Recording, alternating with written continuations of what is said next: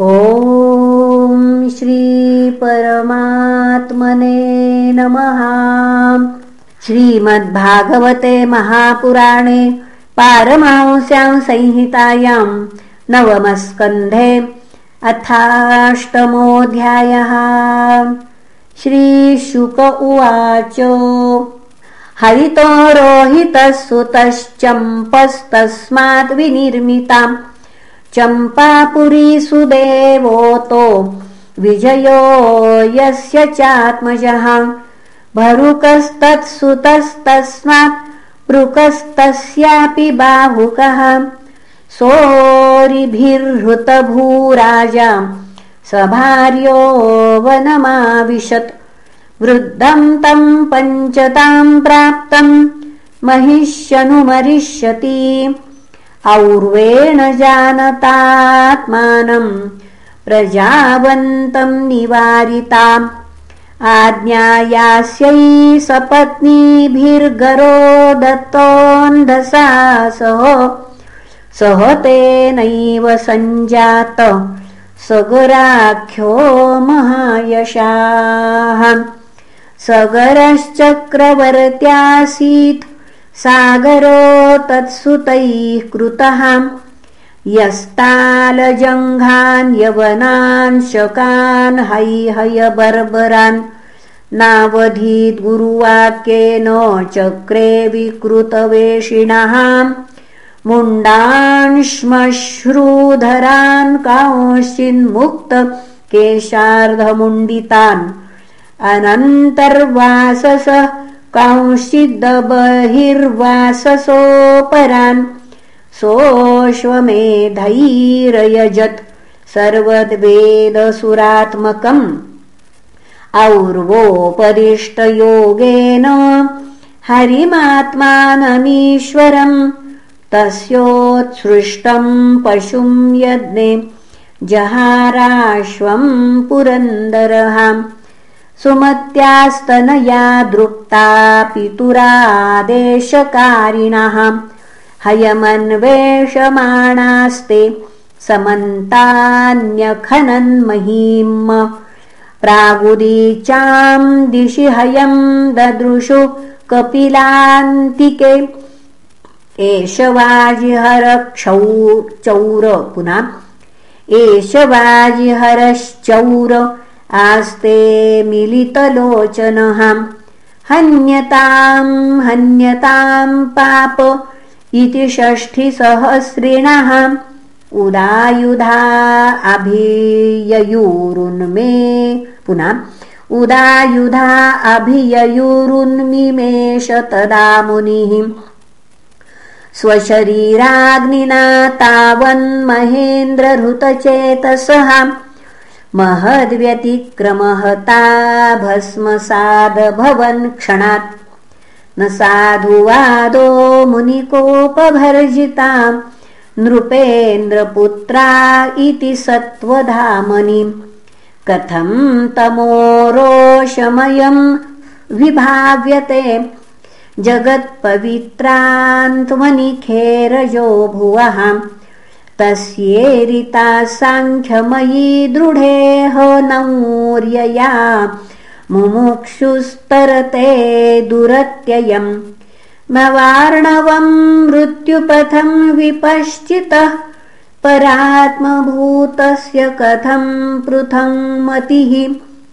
यो समञ्जस इत्युक्त स केशिन्या नृपात्मजः तस्य पुत्रंशुमान्नाम पितामहहिते रतः।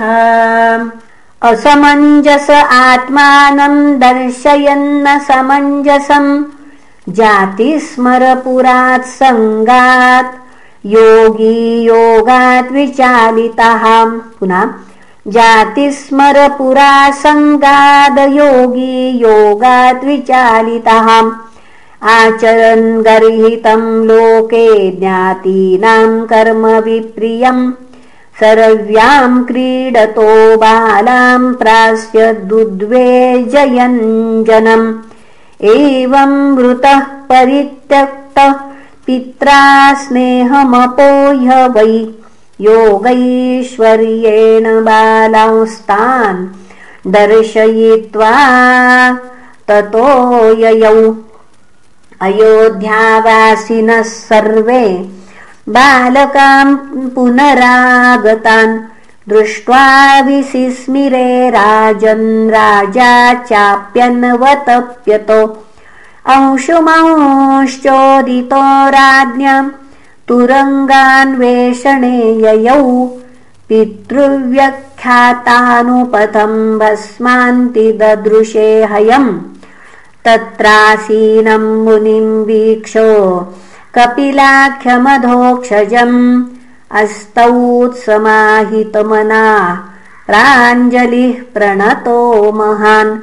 अंशुमानुवाच न पश्यति त्वाम् परमात्मनो जनो न बुध्यतेऽद्यापि समाधियुक्तिभिः कुतो परे तस्य मनः शरीरधीर्विसर्गसृष्टा वयमप्रकाशाः।